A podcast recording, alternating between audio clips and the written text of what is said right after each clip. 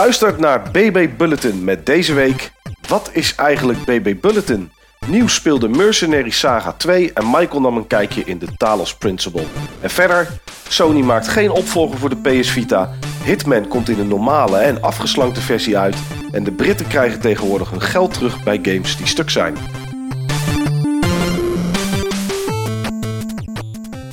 Leuk dat je luistert naar een uh, ja, nieuwe podcast genaamd BB Bulletin. Niels, goedenavond. Goedenavond, Michael. Ja, normaal uh, voor de mensen die naar de Buttonbashers podcast luisteren, horen daar nog een stem bij. Ja. Um, maar dit, ja, dit is iets wat wij met z'n tweeën doen, Niels. Dat klopt, ja. En uh, ja, voor de mensen en ook voor onszelf misschien wel een heel klein beetje. Wat, wat is BB Bulletin? Nou, BB Bulletin is een nieuwe podcastvorm die we naast de normale podcast draaien. Maar waar Ja. we sneller mee in kunnen springen op nieuwtjes uit uh, de gamingwereld en de industrie. Ja. ja, we hebben het eigenlijk een klein beetje bedacht, omdat uh, tussen de gewone podcast zit vaak een week of drie, A4. En uh, ja, we, wij hadden zeg maar iets meer behoefte aan om dat wat sneller te doen af en toe. Ja. En ja, dit zal ook een, een, andere insteek hebben. Wat je net al zei, we gaan wat nieuwtjes uit de industrie gaan we, gaan we pakken. Kijken eventjes naar games die we gespeeld hebben nog naast de games die we al spelen. Ja, goed, voor de rest moeten we maar even kijken hoe het, uh, hoe het uitpakt. Misschien komen er wel hele, hele andere dingen nog bij kijken. Maar ja, dat is voor ons ook nog een beetje aftasten natuurlijk. Ja, maar het worden vooral ook kortere afleveringen dan je gewend bent. Ja, inderdaad. We mikken op zo'n 25 tot 30 minuten maximaal. En, uh, Lekker voor ja, in de bus of zo. Ja, precies. Voor mensen die naar, naar het werk rijden en daar een half uurtje over doen. Die kunnen dan, uh, ja, die kunnen dan naar BB Bulletin luisteren. Eigenlijk is het wel uh, grappig, hè, Michael? Want jij kwam volgens mij een aantal maanden geleden met het idee om een wekelijkse podcast weer te gaan doen. Ja, dat klopt. En ik heb zelfs ooit een keer geopperd om iets dagelijks te doen. Oh ja, dat klopt. Ja, zo van, weet je, zou je niet elke dag om acht uur eventjes een kwartiertje kunnen opnemen... zonder dat dan te editen, zeg maar, want anders is het, is het geen doen...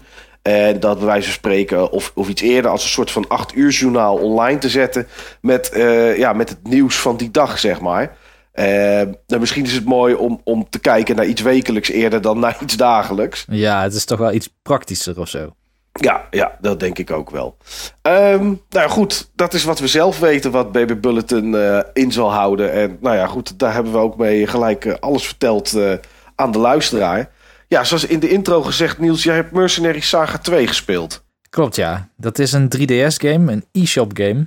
Oké. Okay. Uh, heel af en toe dan trakteer ik mezelf op een, uh, op een onbekende game of indie game of zo. Uh, ik had ook nog 60 euro op mijn account staan, dus je moet er iets mee doen. Ja, nou, dan kan je wel een leuk digitaal spelletje aanschaffen natuurlijk. Dat dacht ik ook. En Mercenaries 2 is een turn-based strategy game.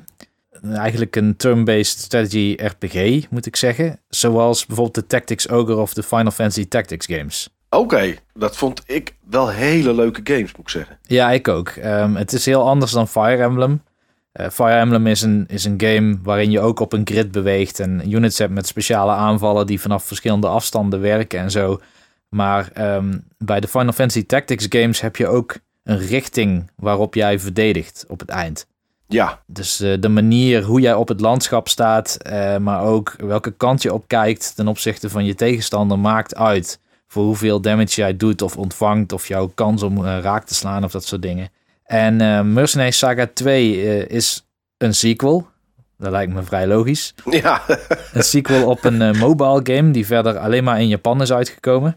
Oké, okay, dus het eerste deel hebben we hier nooit gezien. Nee, die hebben we nooit gezien inderdaad. Oké. Okay. En um, deze kost maar 5 euro op de e-shop. Dus ja, je kan je geen beeld stoten, toch, aan zo'n bedrag? Nee, voor 5 euro niet. Ja, en op zich turn-based RPG, daar begint het al goed te klinken, zeg maar. Ja, nou, het is een hele nette en verzorgde game.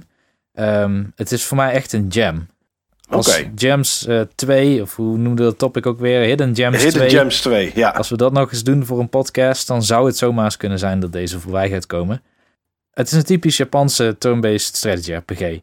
Uh, met van die kleine koddige sprites die, uh, die er uh, vrij schattig uitzien. Met hele mooie tilesets en omgevingen.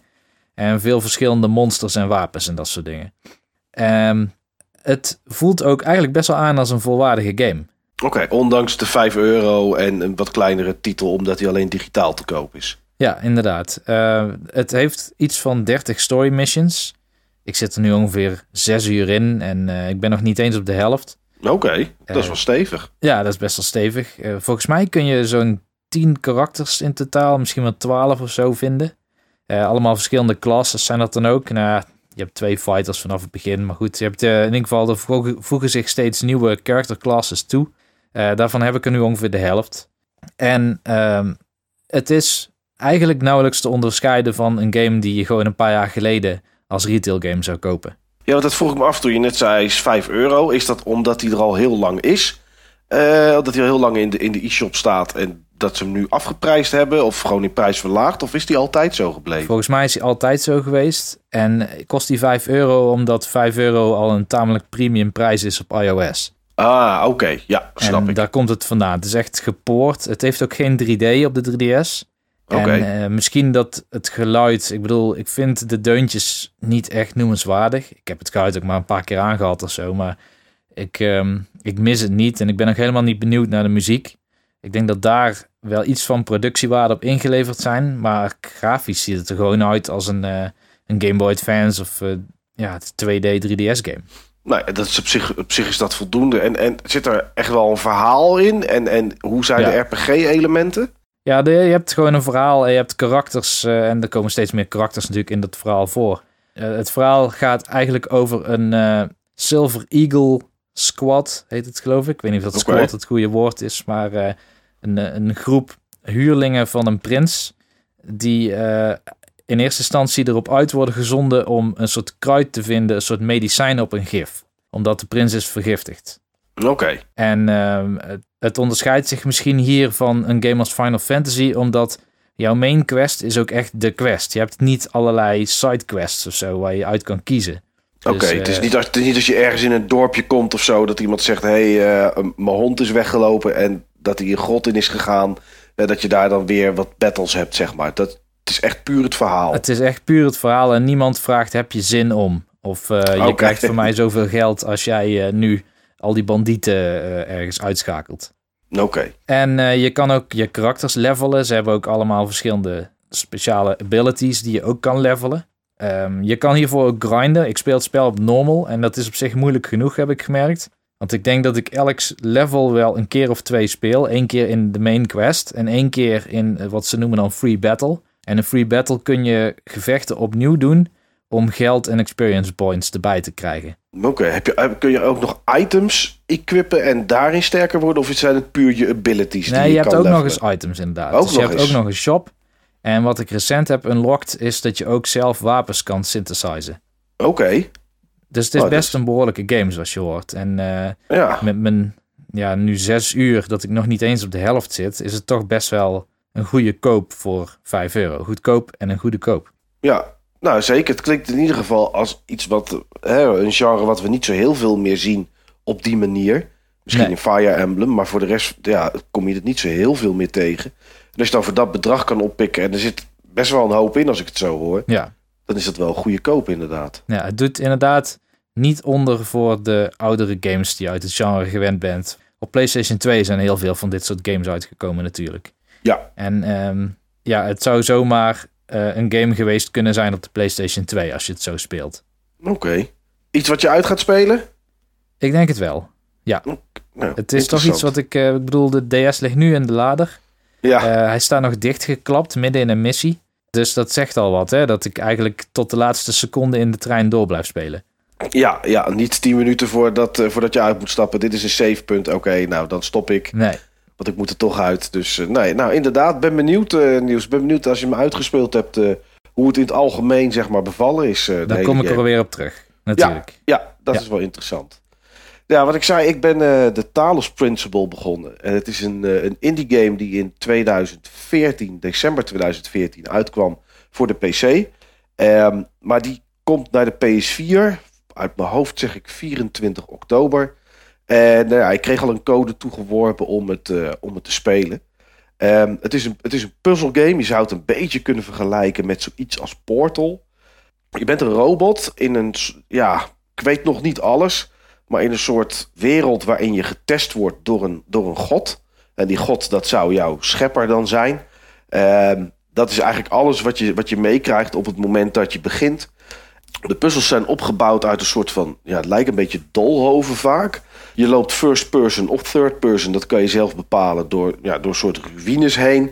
En je kan ehm, bijvoorbeeld uh, stokken met daarop een, een, een kristal kan je plaatsen. En die kan je dan verbinden met allerlei punten waar dan licht uitkomt om uh, ja, deuren te openen. Um, soms ligt er een, een, een doosje wat je kan gebruiken om op te staan zelf. Of waar je dan weer zo'n stok op kan zetten. Um, er zitten jammers in. Je hebt, je bepaalde deuren. Die zijn, dat zijn een soort van, ja, soort van force fields lijken dat. En die kan je dan met, met zo'n jammer kan je die dan tijdelijk even stilzetten. Um, ja, en op die manier moet je eigenlijk Tetris blokjes verzamelen. Um, en heb je genoeg blokjes van dezelfde kleur, dan kan je weer een deur openen om een stapje verder te komen ja, dat gebeurt dan allemaal onder begeleiding van hier en daar wat audiologs. Hier en daar staan er wat terminals um, waar je op in kan loggen. En dan wordt er een soort profiel van je gemaakt door vragen te beantwoorden. Um, en je leest hele stukken tekst, bijvoorbeeld chatlogs of e-mails die ooit een keer, want ja, je hebt geen flauw idee hoe die wereld daar komt of wat, uh, of wat je daar precies doet, die ooit een keer aan elkaar gestuurd zijn, zeg maar. En ja, ik ben denk ik nu een uurtje of vijf, zes onderweg. En ik zit nog in de eerste wereld, die dan weer uit zeven subwerelden, zeg maar, bestaat. En uh, ja, het is een aardige game. Ik heb er alleen uh, één probleem mee. En dat is? Ik word er misselijk van. Misselijk? Ja, de game draait op uh, 1080p en 60 frames per seconde. En um, ik moet heel eerlijk zeggen, in het verleden heb ik nog wel eens afgegeven op games die dan niet 60 frames per seconde waren. Of wel 60 frames per seconde en dan niet op de Xbox One en dat soort dingen allemaal. Maar dit is de eerste game die op 60 frames per seconde draait, waar ik misselijk van word. En ik, ik weet ook hoe het komt. Als je namelijk, ik speel hem in first person. En als ik omdraai door de rechter stick in te drukken en je doet dat, nou ja, goed, bij een shooter doe je dat meestal, hup, stick gelijk naar rechts en dan draai je om. Maar als je dat hier doet, gaat dat zo verschrikkelijk snel dat het beeld zeg maar een beetje blurry wordt. Omdat het zo snel aan je voorbij schiet. Oké, ja. En dat is geen bedoeld effect of zo? Nou, ik, ik heb in de opties zitten kijken of ik het uit kan zetten. Nou, dat, dat gaat niet. Maar het, het gaat gewoon zo snel als je dat doet. En dan heb je er ook nog eens een knop bij om te sprinten. En als je die ingedrukt houdt en je loopt uh, door, die, door die paden heen... en van links en naar rechts en te draaien. Ja, toen ik het de eerste keer zat te spelen ben ik na ongeveer een uur anderhalf uur ben ik gewoon gestopt. Omdat ik er helemaal misselijk van werd. Oké. Ja, heel vreemd. Heel vreemd. Ik heb het nog nooit meegemaakt. Hey, ik had nog een vraag. Hè? Heb je ja. enig idee wat die gaat kosten op de PlayStation 4? Nee, ik heb nog geen prijs gezien. Want op nee. de PC is best een aardig dure titel. Ja, daar is die volgens mij 30 euro, zeg ik even uit mijn hoofd. Uh, 40. 40 zelfs. net te kijken, ja. Ja, ja, nee, ik heb geen prijs nog gezien. En het is voor een... Ja, goed, indie games kunnen net zo goed zijn weten we tegenwoordig ja. als, als gewoon AAA-titels. Maar voor een, voor een indie-game is het best wel schrikken. Want ik had inderdaad die prijs opgezocht om te kijken wanneer die uit was gekomen op PC. Maar ik weet nog niet wat die gaat kosten. Dus nee. uh, ja, het is, het is voor de rest wel een interessante titel om te spelen. Uh, puzzels zijn uh, gevarieerd van groen, geel, rood. En dat is dan de moeilijkheidsgraad. groen en geel, daar loop je echt met twee vingers in je neus doorheen. Die zijn echt, echt heel simpel. En de rode puzzels, die zie je of in één keer... of je bent gewoon zomaar een half uur, drie kwartier bezig... en, en merkt dan dat je gewoon op moet geven. Ja. Die, zijn, die zijn af en toe iets te moeilijk. Um, het enige wat ik er niet zo fijn aan vind... is de manier van verhaal vertellen. Dan wordt je iets verteld, heel lichtelijk. Maar voor de rest moet je echt lappen met tekst. Nou ja, het moet niet, maar het kan lappen met tekst doorlezen uit de documenten die in die terminals uit een soort digitale bibliotheek komen. En um, dat doe je in het begin, doe ik dat. Maar als ik dan zes levels heb gespeeld en ik ben tien van die terminals tegengekomen. En het is alleen maar een beetje chatlogs of wat dan ook. Ja, dan ben ik er wel klaar mee. Ja, oké. Okay. Ja. Als het ondersteunend is, net zoals bij een Fallout bijvoorbeeld, waar het verhaal door de, door de karakters wordt verteld. En je wat extra over de wereld kan lezen. Of over wat er gebeurd is in een politiebureau. Of, of waar dan ook in, een, in, de, in de fabriek, dan vind ik het wel leuk om dat te lezen als ik daar zin in heb.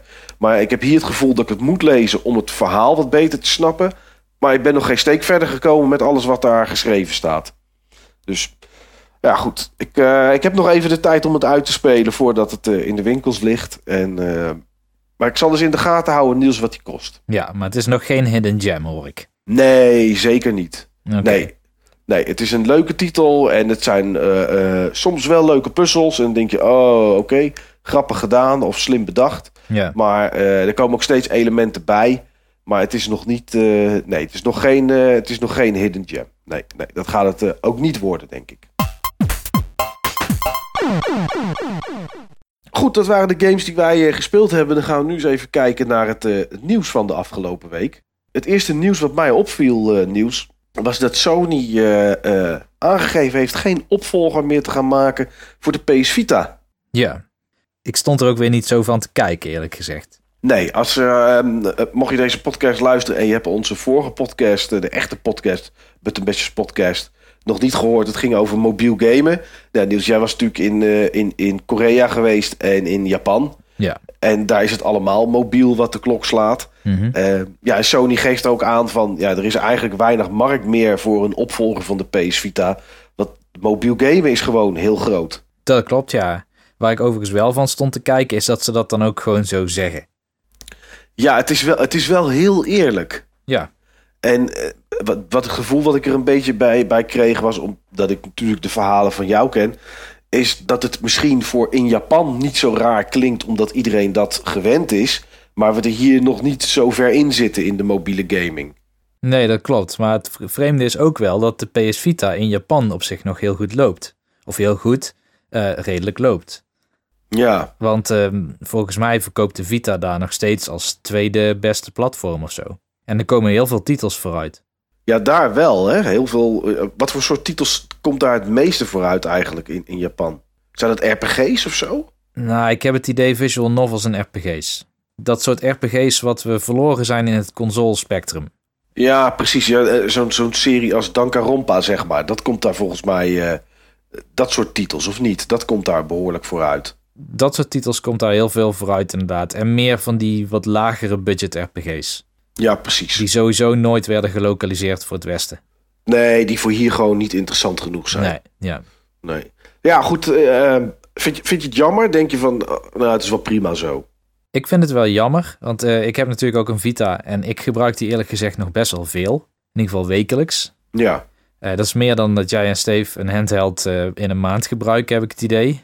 Zo, ja, zeker weten. De, ja, mijn handhelds liggen eigenlijk allemaal ja, toevallig ligt de 3DS aan de lader op dit moment, omdat ik uh, die Zelda's weer wil spelen en ik wil eigenlijk Shovel Knight verder spelen. Oh ja, ja. Die heb ik op de 3DS, maar voor de rest ja, liggen ze hier inderdaad behoorlijk stil. Ja.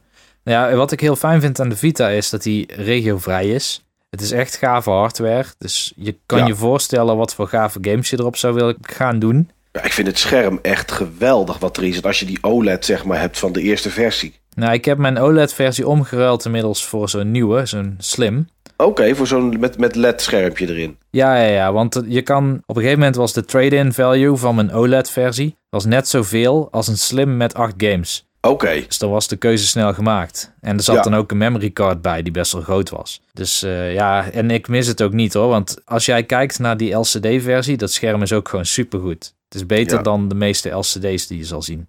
En, en volgens mij batterijduur ook interessanter, of batterijduur niet? interessanter, ligt veel fijner in de hand, is dunner, lichter. Uh, het is echt een veel handzamere handheld. Oké. Okay. Maar als je kijkt naar uh, de PSP bijvoorbeeld, de vorige handheld van Sony. Ja. Uh, dat was een heel groot succes in het oosten en een aardig succes in het westen. Ja, klopt. Ja, en in het oosten werd hij vrijwel zuiver gedragen door Monster Hunter. Ja, dat heb ik ook gespeeld, Monster Hunter 2. En nou, ik weet niet wat daar allemaal voor versies op uitkwamen. Er zijn denk ik drie of vier versies uitgekomen. Ja. Maar die franchise is overgestapt naar Nintendo. Ja, ja die zit nu op de, op de 3DS en op, en op de Wii U. Ja, precies. En uh, ja, je ziet dat daardoor eigenlijk nooit meer die Vita daar echt zo is aangeslagen als de PSP ooit heeft gedaan. En hier in het Westen, ja, we krijgen dan games die ergens leken op uh, PlayStation 3 games. Ja. Qua, zeg maar, uh, beeldkwaliteit. het was niet dezelfde grafische performance natuurlijk, maar Nee. het, het was wel mooi scherp en mooi 3D en zo. Nou, voor mobiel gamen zag het, ziet, nou, ziet het er gewoon nog steeds erg goed uit. Ja, maar eh, ja, de support droogde er vrij snel op. Ja. Uiteindelijk, klopt. er zijn wel veel indie games hoor, die erop uitkomen. Nou, zeker als je ook kijkt naar de PlayStation Plus games die elke maand, eh, elke maand uitkomen. Nu zijn die voor oktober. Zijn gisteren bekendgemaakt. Ik krijg bijvoorbeeld eh, eh, Super Meat Boy voor de PS4 en de PS Vita. Nou ja, dat is voor, eh, voor de PS Vita is dat gewoon een prima titel. Ja, Maar ja, goed, het is, ja, het is niet het succes inderdaad wat ze hoopten. En Sony was natuurlijk zelf al iets van een jaar geleden... zeiden ze van we stoppen met eh AAA support vanuit hun eigen kant, zeg maar. Ze zouden zelf geen nieuwe Uncharted of Little Big Planet... of dat soort titels meer ervoor Nee, klopt, uitbrengen. ja. En ja, goed, dit geeft denk ik wel aan waarom. Ja, je zag ook eigenlijk in de, toen heette het volgens mij nog de Next Gen Portable of de NGP of zo. Ja, Of NXP, ik weet niet meer wat voor afkorting het ja zo'n soort afkorting was dat inderdaad, ja. Toen had je zo'n eh, zo'n video over wat Sony dacht dat de handheld zou gaan worden. Nou, daar zaten alle grote franchises op in een volle glorie, zeg maar. Ja, Ehm, ja, en dat werd wel vrij snel duidelijk, ook bij de gamers, dat dat hem niet ging worden. Ook die Bioshock, eh, die Ja. exclusieve, die is ook nooit... dat is alleen maar een name drop geweest ooit. Ja. Nou ja, je zag het aan Borderlands 2, die voor de PS Vita alsnog is uitgekomen. Ja, Ja, als je die vergelijkt met de consoleversie of PC-versie, er was heel veel uitgehaald. Grafisch was, ja, was het gewoon echt niet geweldig. En de performance viel ook wat tegen. ja. Ja, ja dat is gewoon zonde voor zo'n, voor zo'n mooi apparaat. Ja, nou ja, ik hoop in ieder geval dat Nintendo nog wel een nieuwe handheld gaat maken. En dat ze die regio vrijmaken, zodat die developers die dus nu voor Vita aan het developen zijn, dat die niet tussen wal en schip belanden. Nee, dat die gewoon allemaal lekker naar eh, nou ja, de, de volgende DS iets kunnen van Nintendo inderdaad. Precies, ja. Nou, we gaan, het, eh, we gaan het zien wat ze gaan doen. Sony er- stopt er in ieder geval mee. En eh, ja, ik ben, ik ben benieuwd wat er gaat gebeuren inderdaad met, eh, met iedereen die daarvoor ontwikkelt. Ehm, iets anders wat ehm, gisteren naar buiten kwam. En iets waar ik in het begin een beetje sceptisch tegen aankeek, maar daarna wel interessant vond, is eh, de nieuwe Hitman. Die zou van oorsprong 8 december uitkomen, maar is uitgesteld naar maart. De reden daarvoor is dat men eh, zei dat ze eh, iets meer content in de game wilden stoppen. En dat ze een wat, wat completere ervaring wilden bieden. Omdat ja, het tijdspanne die na de release kwam, die was nog een beetje onbekend. Dat viel, eh, viel bij sommige mensen niet in goede aarde. En wat ze nu doen is de game op 26 maart brengen ze hem uit. En er zijn er twee versies. Je kan de versie kopen van 60 euro. En je kan een eh, afgeslanktere versie kopen van 35 euro. En het verschil tussen die twee games is dat de volledige versie, die van 60 euro, die krijgt in april, mei en juni, krijgen die daar een locatie bij. Dat zijn eh, Amerika, Japan en nog ergens een plek. Ik weet even zo uit mijn hoofd niet precies, niet precies meer welke. Maar er komen drie extra eh, plaatsen bij waar missies zijn en waar online live events kunnen plaatsvinden. Maar die, zijn, die krijg je dus alleen erbij als je de versie van 60 koopt. En bij de versie van 35 zit de volledige game zoals die op 26 maart uitkomt. Je kan ook online meedoen met de live events en met de extra contracten die ze daar dus aanbieden. Je krijgt alleen niet die extra drie locaties erbij. En wat ik zei, in het begin dacht ik van, ja, wat is dit nou weer voor een raar iets? Maar aan de andere kant, Niels, dacht ik, het is ook wel interessant, omdat je dus eigenlijk voor 60 euro een game koopt met een soort DLC. Ja, Althans, dat is hoe het op dit moment lijkt, want we weten natuurlijk niet hoe groot die, die locaties zijn. Dus misschien zijn die wel zo klein dat je je heel erg bekocht voelt. Maar ja, dat weten we pas tegen die tijd. En als je dan voor 35 euro de game koopt en je denkt later van ja, ik wil toch eigenlijk meer. Dan kan je, alleen ben je dan 5 euro in totaal meer kwijt. Dan kom je op 65 euro uit. Kan je die drie stukken eh, locaties met missies kan je erbij kopen. Wat, wat, wat zegt dat voor jou? eh? Wat denk jij als je dat zo hoort? nou, ik vind het in ieder geval heel fijn. Ik heb zelf eigenlijk nooit Hitman gespeeld. Ehm, ik weet alleen dat een of andere kale gast de hoofdrol speelt van die game. Ja, en als ik zeg Agent 47, zeg jij ja, natuurlijk, zo heet hij. Ja, vanzelfsprekend. Ja, Maar ehm, kijk, voor zo iemand als ik, die helemaal niet weet waar die nou aan begint, Ja. eh, is 35 euro wel een fijne instap. ja, zeker weten. Het is een goede prijs voor eh, gewoon eigenlijk een AAA-titel. Ja, en dan kan ik alsnog later beslissen om hem uit te breiden met de volledige versie. Ja, je kan, je kan er gewoon pack erbij kopen en dan krijg je ja, die continenten erbij. Ja, dus ik zie het als een win. En ja, je geeft 5 euro meer uit. Maar ja, wat is nou 5 euro als die game heel leuk blijkt te zijn?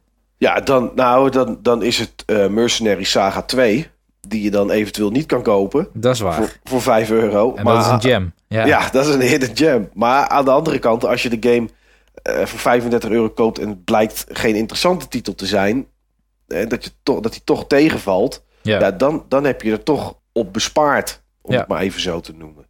Dus ja, ik ben, ik ben benieuwd hoe het uitpakt. Of we straks mensen krijgen die gaan klagen omdat ze niet weten wat ze gekocht hebben.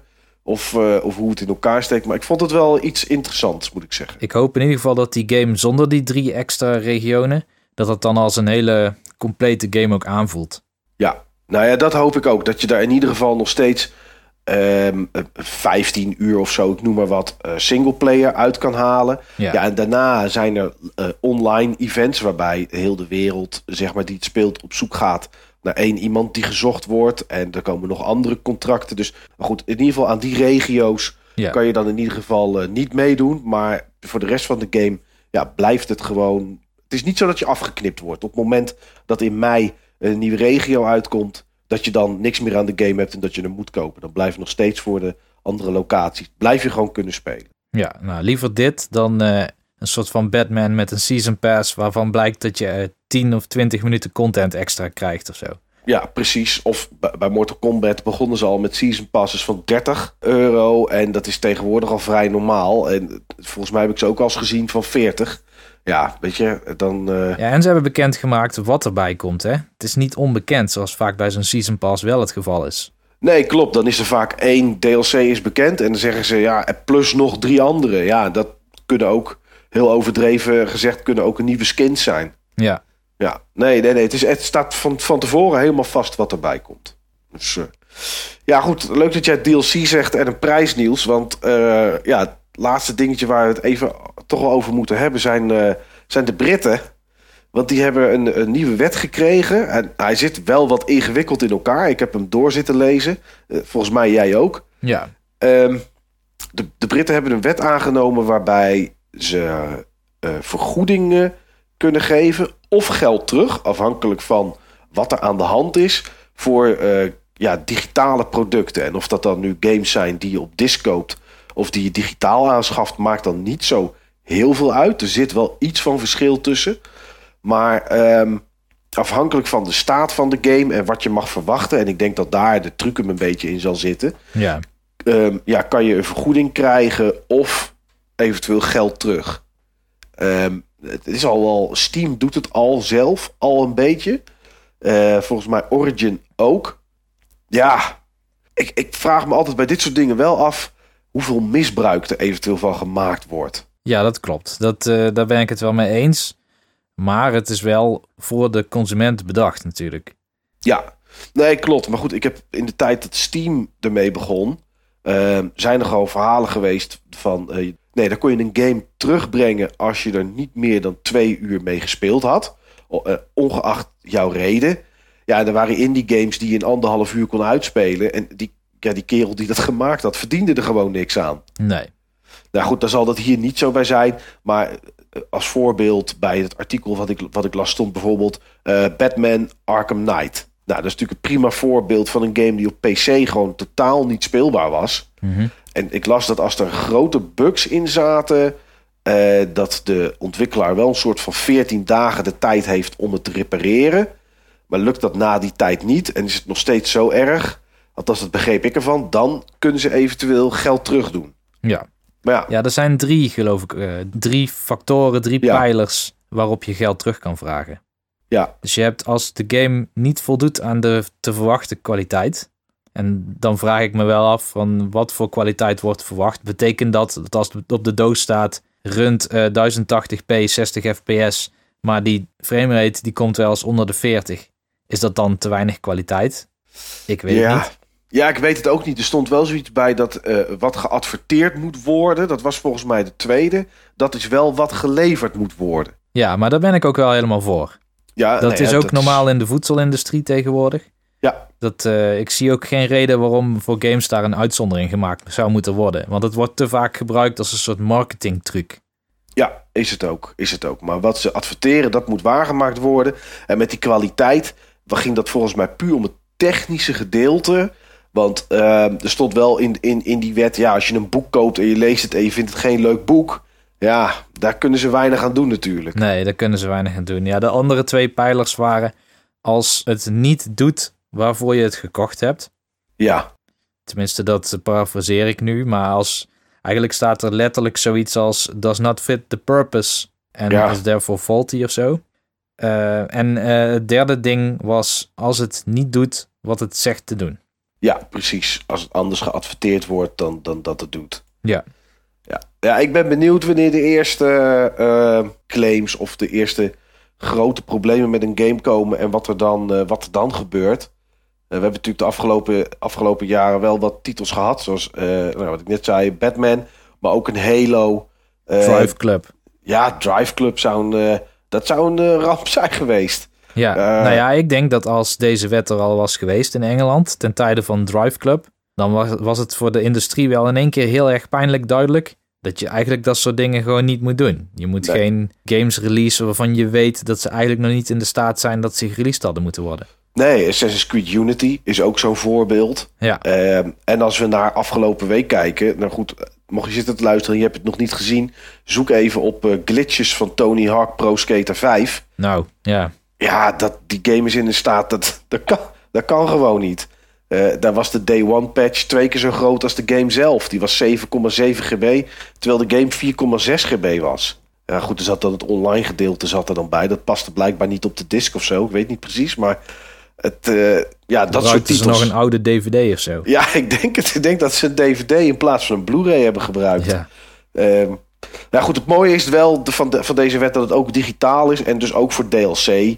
Ehm, ja, het is eigenlijk voor alle producten die, die games zijn. Het is, voor, het is voor meer. Het is ook voor muziek geloof ik en dat soort dingen. Ja.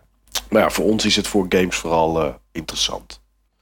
Ja, we gaan het in de gaten houden wat ermee gebeurt en wanneer de eerste claims komen. Ja, Niels, dan zijn we al eh, door, eh, door de eerste Baby Bulletin heen. dat ging snel. Ja, dat ging heel, dat ging heel snel. Eh, ja, het enige wat ik nog, wat misschien wel interessant is, is om eventjes te kijken naar wat er volgende week in de winkels ligt. Voor de mensen die luisteren en die nog niet precies weten of ze volgende week iets moeten kopen.